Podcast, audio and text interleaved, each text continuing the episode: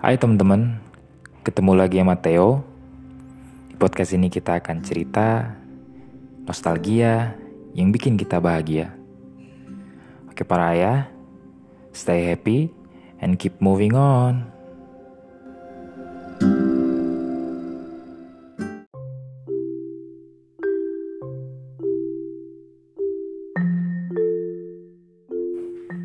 Hai teman-teman, ketemu lagi sama Theo di podcast saya Move On. Semoga teman-teman selalu sehat, terutama para ayah, dan semoga teman-teman juga selalu moving on. Bicara soal moving on, teman-teman, uh, filosofi bergerak itu sesuai banget sama air. Oke, okay, Theo bukan mengutip uh, perkataan Bruce Lee tentang be like water my friend gitu. Enggak, enggak. Enggak harus jadi air. Maksudnya air itu teman-teman ya, seperti kita tahu kalau tergenang ternyata keruh dan berpenyakit. Otomatis kalau air tergenang pasti mudah dikatakan kotor. Air tergenang kotor. Air bekas hujan tergenang kotor. Tapi air mengalir sering kali dikatakan air bersih, air sungai, ya, terutama sungainya yang masih ada di dataran tinggi ya, yang belum tercemar dengan polusi di dataran rendah kayak sungai atau kita nyebutnya kali gitu, yang sudah berwarna coklat enggak. Tapi air yang mengalir sungai, air ledeng, air keran maksudnya ya, eh, mata air itu selalu dibilang bersih dan tidak ada penyakitnya. Jadi filosofinya sesuai banget sama kita. Kalau kita banyak diem, akan banyak penyakit sebagaimana uh, air keruh yang diem. Air diem yang keruh maksudnya. Dan ada jentiknya. Jentik itu menjadi nyamuk, nyamuk menyebabkan penyakit. Penyakitnya uh, bisa berbahaya kayak demam berdarah maupun malaria. Begitupun kita. Kalau kita banyak diem, banyak rebahan, kita nggak bergerak, baik dari sisi psikologis, sisi mental maupun bergerak tubuh kita, akan banyak penyakit dalam diri kita kalau kita nggak bergerak dalam arti kita nggak mengupgrade diri kita penyakitnya adalah kebodohan akan datang sama kita. Kalau tubuh kita nggak bergerak otomatis banyak penyakit seperti obesitas dan lain-lain. Kalau kita nggak bergerak dalam arti uh, dalam apa ya selain mengupgrade diri kita itu uh, bergerak maju kita mau dalam pekerjaan dalam wawasan gitu maka penyakit-penyakit ini adalah akan ada datang depresi ya stres kita nggak ngapa-ngapain. Jadi kenapa podcast ini mau teman-teman keep moving on karena biasanya penyakit depresi para ayah ini karena mereka tetap tertinggal di belakang. Kalau mereka ini masih cowok ABG yang masih seneng nongkrong seneng main mereka lupa mereka udah menjadi pemimpin di suatu little community little group yang disebut keluarga. Anyway teman-teman Bicara soal diem, kemarin Theo menghabiskan waktu sekitar 2 atau 3 jam diem. Loh, tadi katanya harus keep moving on. Iya, tapi Theo juga manusia mengalami yang namanya diem atau Theo rebahan di sofa. Kemarin karena Theo nonton Netflix ya. Jadi baru kenal Netflix di pandemi ini walaupun tahu ya Netflix gitu dari meme nah, di 9gag atau teman-teman lain yang teman-teman Theo yang lain yang udah pada langganan tapi Theo nggak pernah ada rasa ingin ah mau langganan atau enggak? Apalagi Theo sempat mengenal uh, streaming ilegal. Aduh maaf banget. Ya tapi begitu kenal Netflix sih jadi nggak pernah ke situ lagi ya apalagi udah ditutup sama Kominfo. Nah di awal pandemi ini karena di rumah aja supaya nggak stres akhirnya Theo sama istri memutuskan kita langganan Netflix. Uh, dinikmati sih istri jadi bisa nonton drama Korea atau beberapa film Korea yang uh, tadinya sulit banget mau ditonton walaupun lewat streaming ilegal. Dan Theo di awal-awal Netflix langganan Netflix seneng banget nonton dokumenternya Chicago Bulls sama Michael Jordan. Yaitu Last Dance. Ya teman-teman pasti tahu. Uh, mungkin mayoritas teman-teman udah pada dengerin juga. Jadi Last Dance ini ya uh, ada 10 seri dan Theo nonton kira-kira 9 seri pas mau nonton yang 10 berhenti langganan Netflix. Karena satu dan lain hal mungkin bosen ya. Kira-kira di bulan April eh, enggak enggak. Di bulan Mei Juni Juli Agustus itu enggak langganan Netflix. Nah baru langganan lagi kemarin. Nah, bicara tentang Less Dance ini film dokumenter tentu saja Netflix ngasih recommendation kan supaya Theo ini nonton film dokumenter lain yang menurut mereka Theo pasti suka pada saat itu Theo nonton dokumenter kriminal judulnya Don't Fuck with Cats Uh, pokoknya itu keren banget, ada dua episode. Uh, Theo nggak mau spoiler sama yang Don't Fuck With Cats itu, pokoknya uh, crime documentary. Teman-teman harus nonton. Nah, tapi yang ini spoiler alert, Theo akan cerita tentang dokumenter yang baru Theo tonton dan memang new release ya di Netflix langsung dikasih recommendation itu. Judulnya American Murder ya, pembunuhan di Amerika gitu ya family next door, keluarga sebelah, keluarga tetangga kita gitu lah, ya, family next door atau tetangga kita lah bisa dibilang gitu. Jadi judulnya American Murder Family Next Door. Jadi ada satu cerita gitu ya, cerita nyata, uh, kisah kriminal. Jadi seorang wanita namanya Shannon, nggak tahu Shannon, nggak tahu Shannon, gimana ngejanya ya Shannon Watts ini dia hilang. Bersama dua orang anaknya yang satu masih empat tahun yang satu masih tiga tahun dan Shannon dalam keadaan hamil 15 minggu. Tetangganya ini nyariin karena baru pulang kegiatan sama tetangga tersebut si Shannon itu uh, apa nggak bisa dikontak ya. Jadi pulangnya malam. Setelah beberapa hari kegiatan bareng tetangganya kalau nggak salah namanya Nikki atau Nicole ya dan Keesokan paginya dikontak sampai siang nggak ada jawaban. Tetangganya itu khawatir kontak polisi dan tidak ada uh, suaminya di rumah sehingga polisi nggak bisa masuk.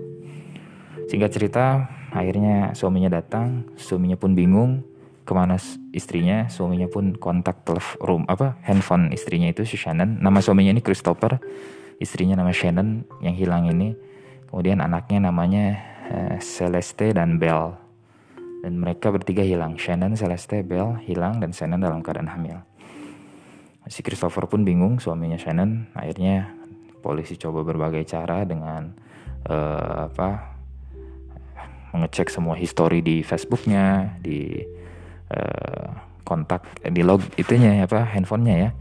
Kemudian uh, uh, CCTV tetangganya, baik yang di seberang, yang di samping dan lain-lain gitu ya Nah, sampai sini masih belum ketemu kesimpulan.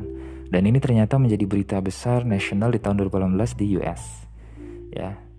Bahwa telah hilang seorang wanita hamil dan dua orang anaknya. Akhirnya suaminya pun diwawancara dan suaminya cuma berharap bahwa mereka dalam keadaan sehat tidak ada yang nyulik gitu dan mereka akan kembali. Setelah ditelisik ternyata mereka sempat berkelahi. Makanya suaminya itu khawatir kalau si Shannon itu kabur dari rumah karena sebelum berkelahi. Dari sini dokumenternya keren banget bercerita tentang lewat videonya Shannon. Jadi Shannon ini ternyata bisa dilihat ya kalau penilaian Theo dia itu seorang uh, sales MLM. Jadi agak aktif juga di sosial medianya dan sering share video sama foto. Kemudian uh, dari log SMS maupun uh, teleponnya itu uh, dibuatlah sebuah alur cerita dokumenter yang sangat mantep banget ya, keren banget lah editing sama uh, directingnya itu ya. Jadi intinya akhirnya si uh, apa si Shannon ini mengatakan bahwa dia ini adalah seorang yang bosi bahkan terhadap suaminya. Jadi suaminya tuh kayak kalah dan karena Shannon lebih dominan. Ya. Tapi mau agak sedikit fast forward ya. Suaminya kalah, gak dominan. Sehingga lima minggu Shannon pergi dari rumahnya mau berlibur ke keluarganya bawa kedua anaknya. Jadi suaminya ditinggal sendiri di uh, rumah. Oke. Okay? Mereka tinggal di Colorado. Uh, Shannon liburan 5 minggu itu ke North Carolina. Uh, selama habiskan waktu itu, Shannon ngerasa bahwa uh, ini adalah suatu break gitu ya supaya memperbaiki hubungan keluarganya. Dan Shannon pada saat itu masih dominan banget. Suaminya membalas dengan iya istriku iya sayang yes beautiful gitu ya. Uh, tapi si Shannon bingung setelah lima minggu ini ya udah kamu jemput saya. Akhirnya si suaminya itu datang ke North Carolina uh, liburan sebentar ke pantai dan mau jemput. Kata Shannon suaminya sama sekali tidak menyentuhnya ya. Dalam uh, maksud fisik yang uh, berhubungan seks gitu lah. Suamiku lima minggu gak ketemu dan gak berhubungan seks. Dan ini nggak biasa terjadi. Shannon curiga ada orang lain suaminya mengatakan enggak gitu. Bahkan suaminya karena badannya bagus kan sibuknya lebih push up olahraga dan lain-lain. Oke. Okay. setelah kembali ke rumah pun begitu. Setelah ditelusuri ternyata memang betul ada orang ketiga. Dan orang ketiga ini secara fisik ya Theo nilai lebih bagus lah ya lebih seksi gitu.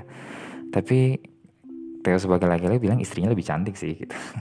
Ya intinya si Christopher menilai bahwa ini lebih eh, lebih menarik daripada istrinya yang sekarang ya. Belum belum cerai ya ini benar-benar dalam keadaan istri sah. Jadi ternyata lima minggu eh, si Shannon ini pergi ke rumah orang tuanya untuk eh, break gitu ya meditasi lah bersama dengan dua anaknya. Selama lima minggu ini juga si selingkuhan Christopher selalu ada di rumahnya. Ya kan? Makanya Christopher betul-betul menjadi dingin. Nah teori lain ya sebelum sampai kepada ujung siapa atau ke mana Shannon? Selama bertahun-tahun menikah mereka dikatakan 8 tahun menikah Shannon ini sangat dominan. Ya bahkan di lima minggu itu ketika Shannon pergi Shannon itu betul-betul mendominasi Christopher sebagai suaminya tapi ketika Shannon pulang, Christopher masih dingin, Shannon mencoba mengalah. Ya, itu terbukti dengan sebelum dia berangkat kegiatan dengan Nicky yang tadi di awal itu yang tetangganya nyariin. Uh, Shannon meninggalkan surat di rumahnya dengan susunan kata-kata aku minta maaf sikap aku selama ini seperti ini. Aku berjanji akan perbaiki hubungan dengan keluargamu gitu. Jadi pokoknya dia bawa masalah-masalah yang kemungkinan terjadi karena dia terlalu kasar terlalu dominan. Ya kepada Christopher itu dia bilang dan aku akan berusaha memperbaiki yang terbaik eh, memperbaiki diriku untuk yang terbaik demi keluarga kita dan anak kita yang ketiga yang ternyata laki-laki ya setelah di USG gitu. Itu surat terakhir Shannon. Theo menilai bahwa dominasi seorang istri Shannon dalam hal ini akhirnya kalah karena dingin suaminya sehingga dia akhirnya mengkoreksi dirinya. Ya Theo nggak bilang siapa yang salah siapa yang benar enggak yang salah tentu saja yang melakukan kriminal. Hmm, kemudian dia mengalah. Nah berangkat lagi Shannon kegiatan dengan Nicky eh, Christopher ada waktu lagi untuk selingkuh. Nah, dengan selingkuhannya ya kemudian Shannon pulang mereka bicara akhirnya kata Shannon mereka berhubungan seks pada malamnya, paginya, Shannon dibunuh oleh Christopher, oleh suaminya sendiri. Yaitu dibekap oleh bantal hingga mati. Kemudian ketika dia menyeret mayat Shannon, kedua anaknya yang umur 3 dan 4 tahun melihat, mereka berdua akhirnya dibawa ke mobil. Dibawa melihat ibunya mati dan mau dikubur di suatu tempat yang jauh dari rumahnya. Perjalanan sekitar 45 menit sampai 1 jam. Dan itu jauh banget karena nggak macet kayak di Jakarta ya. 45 menit satu jam di Colorado. Gilanya lagi anak kandungnya Christopher yaitu anak kandung Shannon juga Celeste Ann Bells umur 3 dan 4 tahun.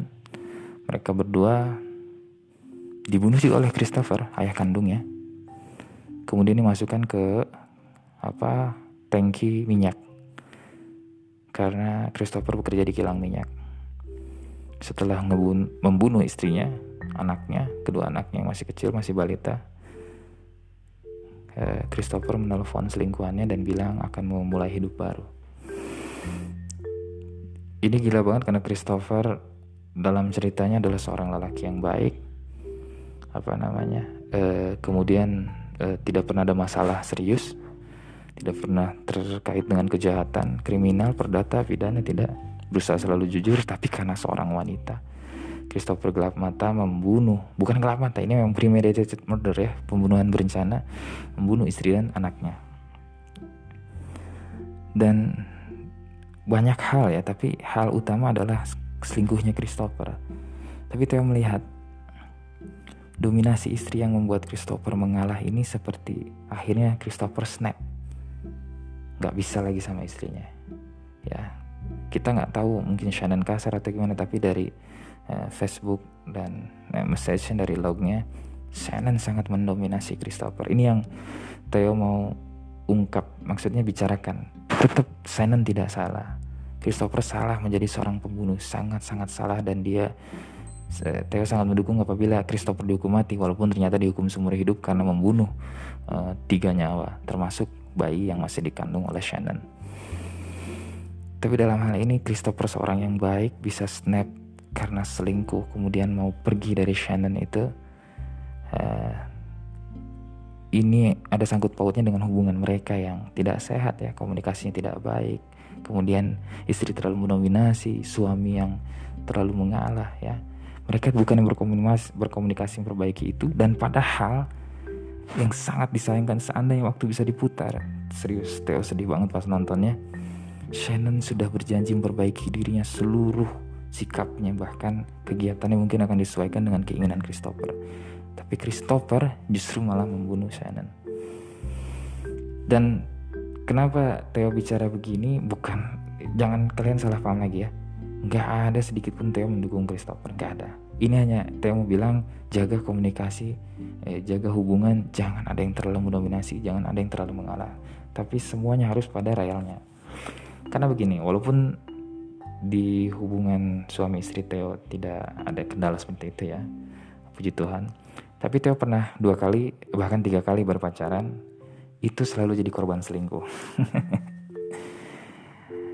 Tapi justru jadi korban selingkuh, Theo merasa bahwa ada satu kisah sama satu wanita Theo ya pernah.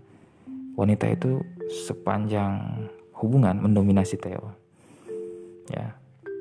Bahkan Theo eh, banyak mengalah lah. Saat itu masih sekolah, Theo masih kuliah gitu ya. Theo jemput ke sana kemari ketika dia minta apa, Theo selalu turut ya gitu. Sampai suatu waktu dia selingkuh dan selingkuhnya dia itu benar-benar menghancurkan Theo. Dan Theo betul-betul jadi pengemis cinta pada saat itu. Serius. Ya dia putusin dia ya dia selingkuh dia udah kesel dia putusin Theo. Jadi pengemis cinta minta dia balik lagi minta Theo berjanji perbaiki diri Theo akan jadi seperti apa yang dia mau. Sampai pada satu waktu ya ketika dia memunculkan fotonya berdua sama selingkuhan yang jadi pacarnya pada saat itu di situlah kayak titik balik bahwa Theo tiba-tiba ilfil. Serius. Oh, pada saat itu masih Facebook ya. Facebooknya dilihat. Kemudian dia tulis in relationship dengan cowok itu. Theo lihat cowoknya dan banyak foto bareng. Pada saat itu titik balik Theo bener-bener ilfil sama dia dan Theo tidak menghubungi dia. Tapi memang namanya remaja pada saat itu Theo seperti menghubungi dia untuk terakhir kalinya kayak mulai saat ini saya tidak akan ganggu kamu lagi udah lihat ternyata bahagia bla bla bla bla gitu ya Theo udah lupa. Pada saat dia yang mendominasi Theo mengemis ya kemudian Theo bilang Theo sudah ilfil Theo tinggalin dia ternyata teman-teman dia yang balik ngemis cinta ke Theo serius. Ya ini bukan suatu kebanggaan ya ini hanya cerita kekonyolan pada masa remaja. Dan ini terjadi psikologi manusia gitu. Ya, kalau kita terlalu kejar dia lari gitu loh tapi kalau kitanya lari dia ngejar. Ya kayak filosofi kita ngejar anjing gitu ya. Kalau kita ngejar anjing anjingnya takut gitu. Tapi kalau kita yang lari kabur anjing yang ngejar. Ya beda ya manusia sama anjing gitu ya, ya itu yang nggak tahu analoginya harus kayak apa. Yang pasti psikologinya kadang seperti itu gitu. Sering kali seperti itu. Jadi ketika kita terlalu ngejar mendominasi ya orang itu akan pergi tapi ketika kita pergi uh, meringankan diri kita oke okay deh. Eh, nggak uh, bisa ngalah terus. Kali ini gue aja yang cabut. Dia yang tadinya mendominasi gitu uh, yang tadinya di atas awan gitu ya tiba-tiba dia harus turun mengejar kita lagi. Ya ini dalam hubungan dua orang ya. Ya baik itu pacaran suami istri bukan hubungan pekerjaan bukan bukan seperti itu jadi Theo ngalamin sampai yang dia akhirnya mutusin cowok itu minta balikan sama Theo, Theo nya nggak mau. Berkali-kali dia minta balikan, Theo nggak mau karena betul-betul sudah ilfil dan dia ngejar dan itu bertahun-tahun masih berjalan. Sampai akhirnya saya Theo lupa, dia pun bisa lupa gitu ya.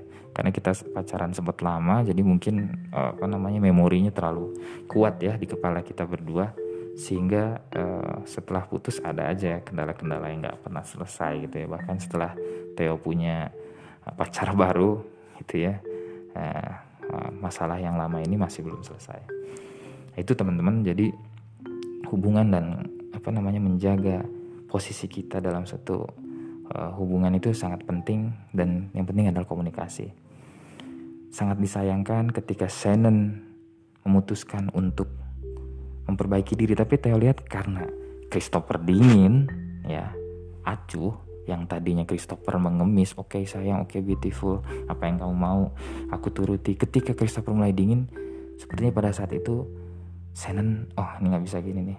Demi keluarga harus perbaiki diri. Aku nggak bisa terlalu dominan aku nggak bisa terlalu kasar sama Christopher. Ya Theo tangkap seperti itu. Memutuskan seperti itu Christophernya mungkin sudah muak ya walaupun salah Christopher memang brengsek memang penjahat. Tapi dia selingkuh itu sebagai percikan api yang lebih besar lagi. Sehingga dia merencanakan pembunuhan terhadap istri dan anaknya. Gila banget gila. Anak kandungnya lucu-lucu. Ya ini spoiler memang. Uh, teman-teman yang nyesel denger ini saya minta maaf. Tapi lebih seru lagi masih tonton aja di Netflix American Murder uh, Family Next Door dan bisa lihat Facebooknya Shannon Watts yang sekarang jadi tribute. Dan Theo pun ya mendoakan gitu ya. Uh, terutama untuk Celeste dan Bells yang masih kecil itu uh, mereka telah mendampingi para malaikat ya di surganya sana. Oke teman-teman itu aja yang bisa Theo ceritain. Semoga nggak bosan dengar podcast kali ini para area please stay happy and keep moving on